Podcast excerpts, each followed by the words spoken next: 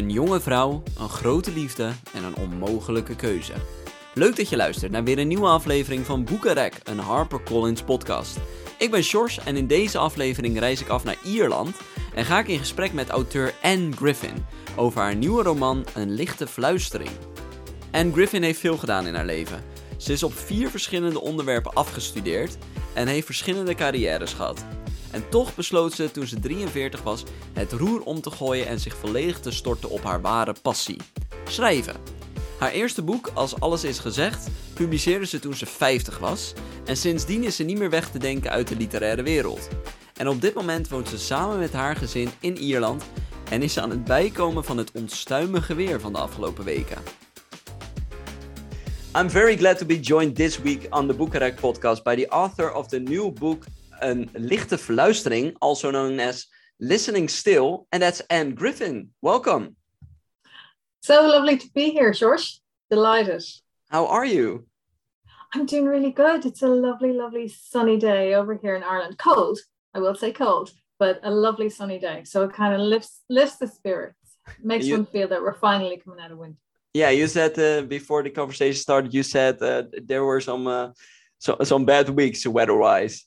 Oh, it's been it, it's felt very dark and very stormy, and um, and we have a hole in our roof as well. Oh, which is, which is never helpful when there's a storm. You're thinking, oh no, because it's impossible to get workmen these days because they're so so busy, and so we have to wait a couple of months before our roof will get fixed. So yes, I am so happy to see the sun. No more rain coming in through the roof. so didn't that cause any trouble? Water coming in? Um, not so far. It's only a little bit of water, Okay. but it's growing. It's growing. Oh. So I'm just my fingers are crossed that we're going to make it to when the roofer can get here. So they they are on their way, but you don't know They when they will way. arrive. they have promised they're Okay. coming but then again an irish builder promising that he's going to arrive you know is you can't depend on it okay, Okay. i don't know what it's like over there but here it's like if he says two months if he comes by the third month we're doing really really well Yeah, it's pretty much the same over here. okay okay it's a european thing So hopefully the, the weather will be better then. No no more rain, Yes. no more storms. yes no more exactly, Yeah. exactly yeah. So I'm to hoping for start off with, um, maybe a hard question. Um, Oh. What life lessons did you learn very early on in your life? Oh my, God, that is so hard to start with. You should have you should have eased me in with a few few simple ones. Um. Oh wow, life lessons. Um, because I have a 17 year old son, and I'm I'm I'm trying to I'm trying to teach him all sorts of things at the minute. So maybe I'm going to steal one of the ones that I taught. That I, Things you you, Oh, you, you wanted yeah. him to know you didn't know maybe.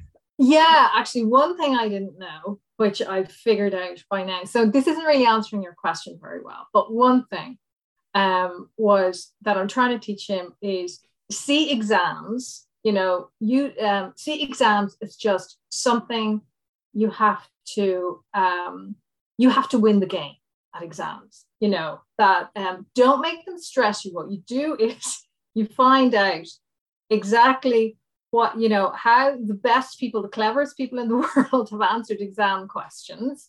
So and and then just just use that pattern and just do that. So don't let it stress you. You just have to see it as a game. Stop seeing it as something to get depressed and worried about. See it as something that you know you just learn the formula you do it and you get out. Because you know one of the things i really hated um, being 17, 18 was the pressure of the exams that you have to do. And I'm not sure if it's the same over there, but it literally, these are defining years of your life. And you're still young. You don't know what it is you, you want to do with your life necessarily, but you're forced into making such big decisions at such a young age.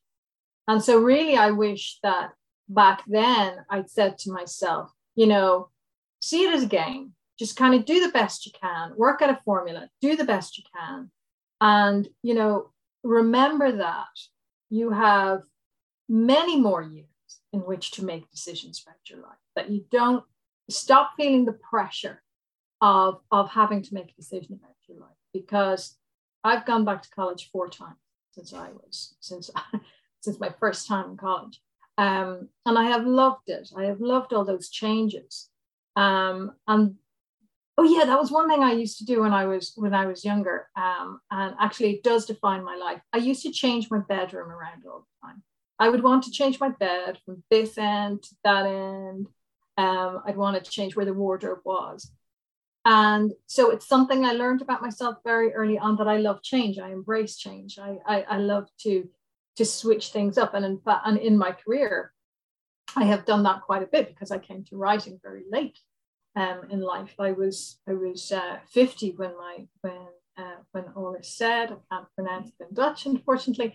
Was was published. Um, so and I had had three or four careers prior to that. So I like change. I like doing different things. I like the challenge of starting at the bottom as well and figuring out what I need to do in order to learn this particular and, may, and maybe you really want now for your son that we don't get judged or that our life gets decided by a few tests in our teens. Oh oh i find it so infuriating. I still feel in my gut the anger i used to feel at having to go through it back at such a young age. I still feel it. I'm like this is the most ridiculous thing i've ever come across.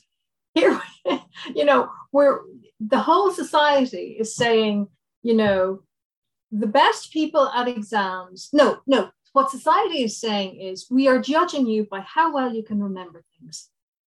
Yeah. Like, I mean, is that not the most ridiculous thing? So there has to be a better way. Surely there has to be a better way. Yeah. Um, uh, so yeah, I I was never brilliantly academic either, you know. So um, you know, I would try. I was never I was never great. So I think my anger is about my frustration back then of, of having to you know to try to be to try to remember things better yeah i was well, hopeless at it you know we we were the same when when our when our 17 year old was little and um and he never really liked school. He just wanted to stay home and watch TV. He's big into film now. This is his thing. He's big into film, but all he really wanted to do was just stay home and play with his Thomas the Tank Engine trains um, and watch TV.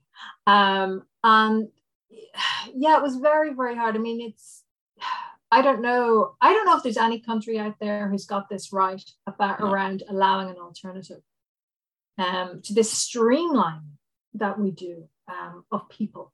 You know, yeah. um, it it really it just concentrates on those guys who can who are good academically and can remember things, you know, can learn by rote that is it. That's all our education systems do but, yeah. you know.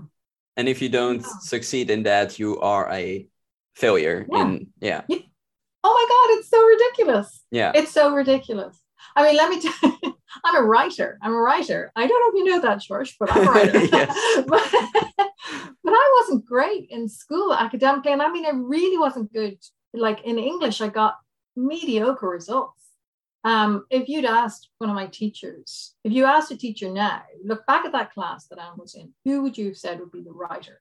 I would not have been the person that should at all. No. Um, I loved I loved storytelling. I loved listening to stories, and I loved listening to stories about people.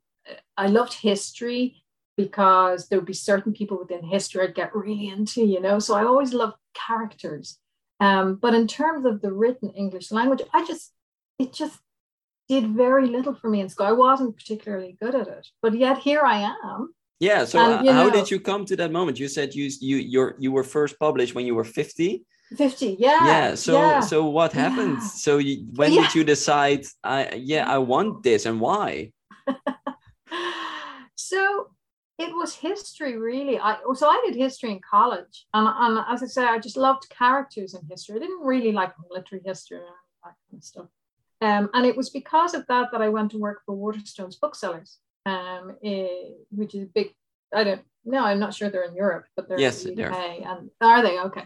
Um, and um, and it was it was when i was there that um, i was like a nonfiction buyer but I met a, the, the, fiction, there were some great fiction buyers there, one of them being John Boyne, um, who wrote the Boy in the Striped Pyjamas. And yeah. um, he, um, we became great friends. And I became great friends with all of those fiction buyers. And they were forever, sh- you know, handing me a new book and saying, really, you got to read this one, you got to read that one. So I always loved, I, I did from then on, I always had a book, but I, I never, it never occurred to me to write. Um, I went on, in fact, from Waterstones Books Booksellers to work in, in, in the charity sector. I worked as community development worker with, um, with various charities, including um, the, the traveller community here and refugees, um, unaccompanied minor, young children coming in from other countries claiming refugee status. So I did a lot of that, but then then somehow I got myself to, I, I, I'm a really good administrator. I'm very good at being efficient, you know. And so I found myself doing a lot of the financial management within charities. And, and, and, and, and that it was great for a while. But then I remember one day sitting down going, hang on, how did I how did I end up doing sums for my for a living? You know, I never thought I'd be doing maths and accountancy. This isn't what I want. And I was, finding it really, really tough and it, I was having a conversation with John John John Boyne. Um, we, we'd remained really good friends, and he said to me, "And why have you never written?" You know, he said, even you know, with this crossroads in your life where you're trying to figure out what's the next step, why not just write, even as a just just something to do in the evening to try and work out what the next step is.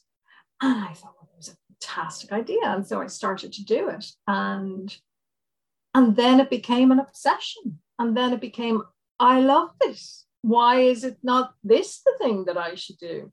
Um, and and that's how it started. So that was back in, I suppose I was I'm trying to think, God, um, I suppose I was 43, 44 when I when I started to, to write. And oh yeah, then the first short story I ever submitted anywhere um, got got listed for uh, a, a, big award here, shortlisted. So I thought I was a natural genius at writing. I thought this is amazing. Well, this is what I should do. And I started to send my short stories off everywhere, thinking, well, I'm going to win everything now. And of course, they kept getting rejected. I went through that awful period of thinking, oh, I'm not so great. I actually have to work really, really hard at this. And from there, I ended up going to back to university for the fourth time to do an MA in creative writing. And, and the book I came out with um, was my debut book that, um, yeah. that uh, yeah, I published age 50. So and uh, that was my uh, journey. You said you, you were writing and then you did, uh, you went to college for creative writing. Yeah. Um, did, what changed when you did that? What changed for you? Um, it was, you know, I loved that course because I really love, and I, I alluded to this earlier, I really love learning how to do something right. Um, and not that writing is a right or a wrong thing. I don't mean that. I mean, I, I wanted to learn the craft. I wanted to hear people like Anne, Enright speak about, you know, um, how she writes, what's important in her writing, um, how to get the, the beginning and the middle and the end of a story right. I wanted to learn the nuts and bolts of it. Um, and so I found it absolutely fascinating. I loved it. And more than anything else, I think it was sitting with 12 other people in that room who also had an equal passion for writing and learning from them and listening to their critical evaluation of my work.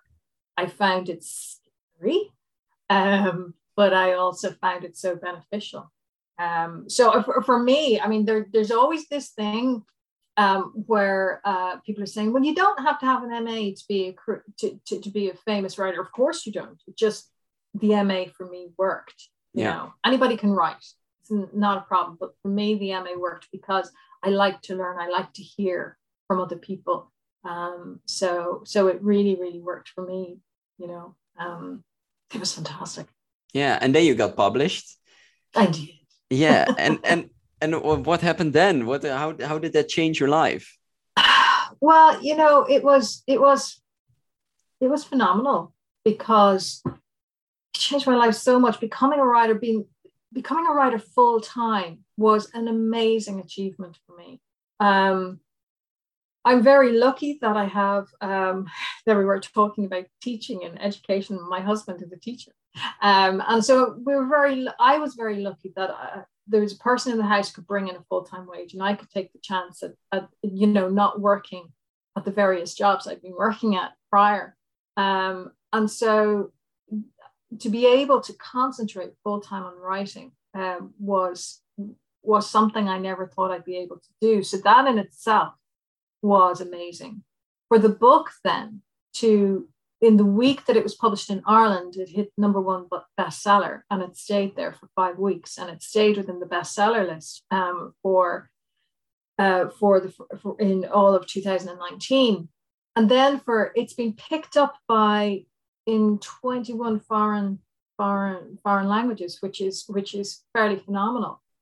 So for a woman who um, hadn't been brilliant at English in school, for a woman who just admired all of the writers who were her friends that she kind of came through Waterstones with, because there were three or four people who became published writers from Waterstones who just sat there admiring those people and thinking they are amazing. I their dedication to craft is is is amazing. To then be amongst them was and still is kind of hard to believe. And sometimes I allow myself, is that is allow the right word? Sometimes, sometimes I get it. I and I see it and I realize that is me. And I appreciate it so much. And then most of the time, you know, like most writers, I suppose, I have this imposter syndrome, you know, that one of these days somebody's going to say, yeah, what are you doing here? Why do you think you can sit with us? You know, you, you know, um, so it's, it's been an incredible journey. It's an, been an incredible journey because getting to know myself as a writer, getting to um, getting to try and appreciate myself as a writer and accept myself as a, a, a, a writer um, because I do because coming to it so late and never never having never being one of those writers who you know was born born knowing that's what they wanted to do. It's you know uh it's it's been interesting for me to say that's okay. Your journey was okay too you know? Your journey here was as valid and as good as everybody else's. And what's more you have thousands of people reading your stuff and i get emails every day. I get uh, messages from people every day saying how much they love my my writing. And and so it's really nice that i'm beginning to say well well done you you know? You can be proud it's, of yourself. Yeah it's a nice place to be at. It's it's it's a uh, you know i don't think we're always very good at that as human beings are we?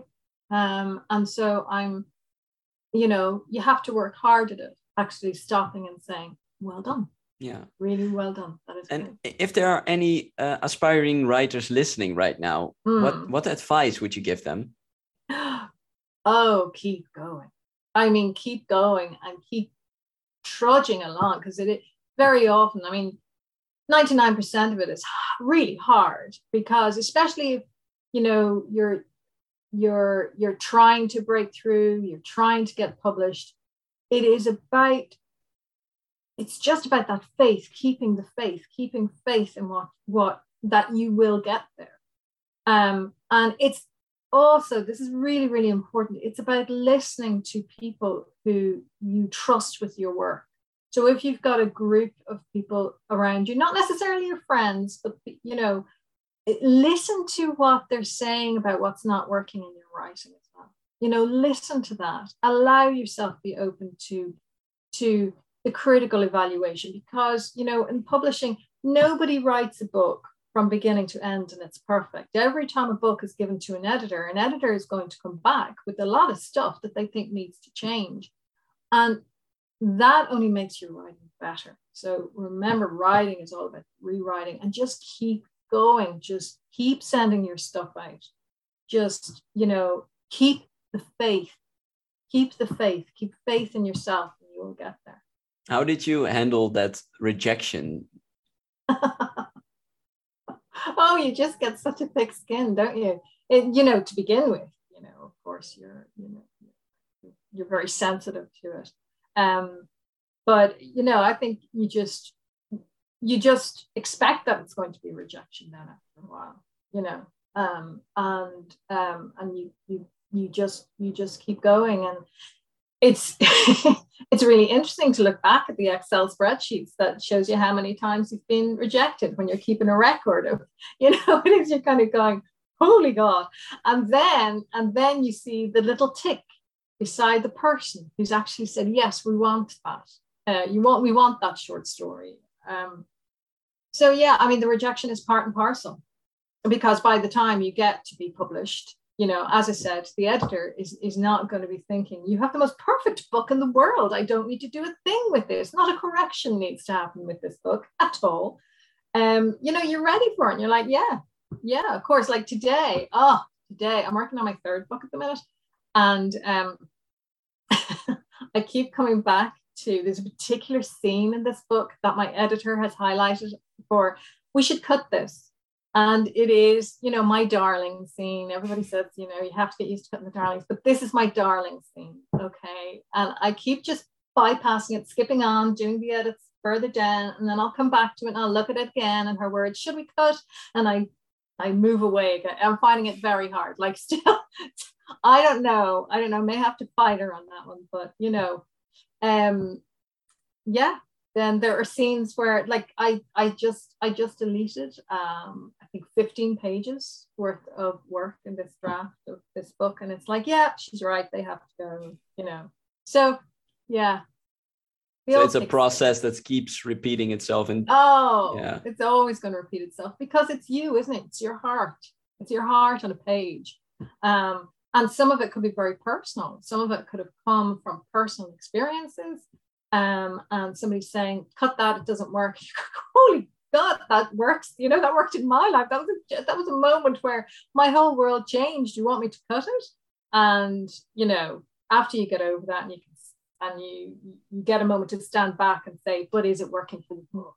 Yeah. Is it helping the book? Is it moving the book forward as quickly or, you know, in the right direction?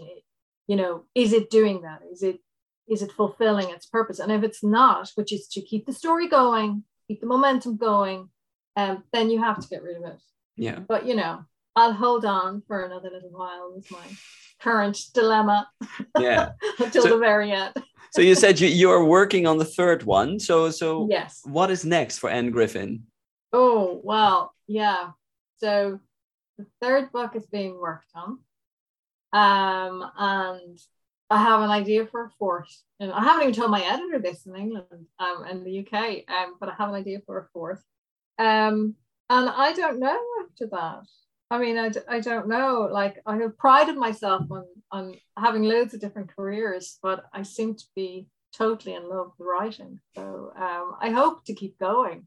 Um, I'd love to I'd love to do a bit of script writing at some stage myself and, and get into that end of things because it's really interesting with my son who's really into film.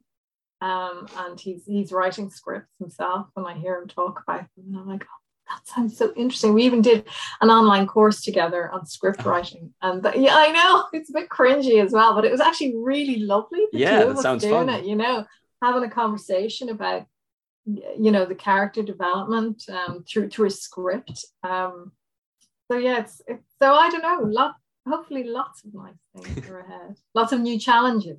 Yeah. For me. And for my final question, before I let you go, um, we had a hard one at the beginning, but I'm gonna ask you a hard one again. But it can be short. If you if you could go back in time and visit your 18 year old self, oh. what what advice would you give her? to to love herself, to love herself just a little bit more because she, you know, that 18 year old Anne um, Griffin was very shy, very unsure of herself. She'd quite a few friends, but she always deferred to the wisdom of other people instead of realizing she had wisdom in her herself. And I think if she'd loved herself a bit more, uh, and I think it's it's something we humans aren't good at is loving ourselves. In fact, there's a scene in when I was at the first book where where I talk about that, and that was very very personal to me. Um, so I would say, and love yourself a little bit more, and you're going to be okay. You know, but just love you first, and everything else will fall into place. I think that's a lovely note to end this uh, conversation on. Uh, Anne Griffin, oh. I really want to thank you for joining me today. Oh, sure. it's been just so lovely. I've enjoyed every minute of it. Thank, Thank you so you. much. Ben je ook zo benieuwd geworden naar het werk van de Ierse Anne Griffin? Haar nieuwe roman Een lichte fluistering is vanaf 16 maart overal verkrijgbaar. En dat was het weer voor deze aflevering van de Boekenrek podcast. En alle hondeneigenaren even opgelet, want volgende week praat ik met Nederlands bekendste hondentrainer, namelijk Jeroen Ome, over zijn nieuwe boek Hond in Huis. Dus ben jij zo iemand die tijdens de coronaperiode een hond heeft gekocht en is die hond nu in de puberteit? Of heb jij al jaren een hond, maar wil je meer over jullie band leren? Dan mag je de aflevering van volgende week met Jeroen Ome echt niet missen. Voor nu wens ik je nog een fijne dag, blijf gezond en blijf vooral lekker lezen. Tot de volgende keer.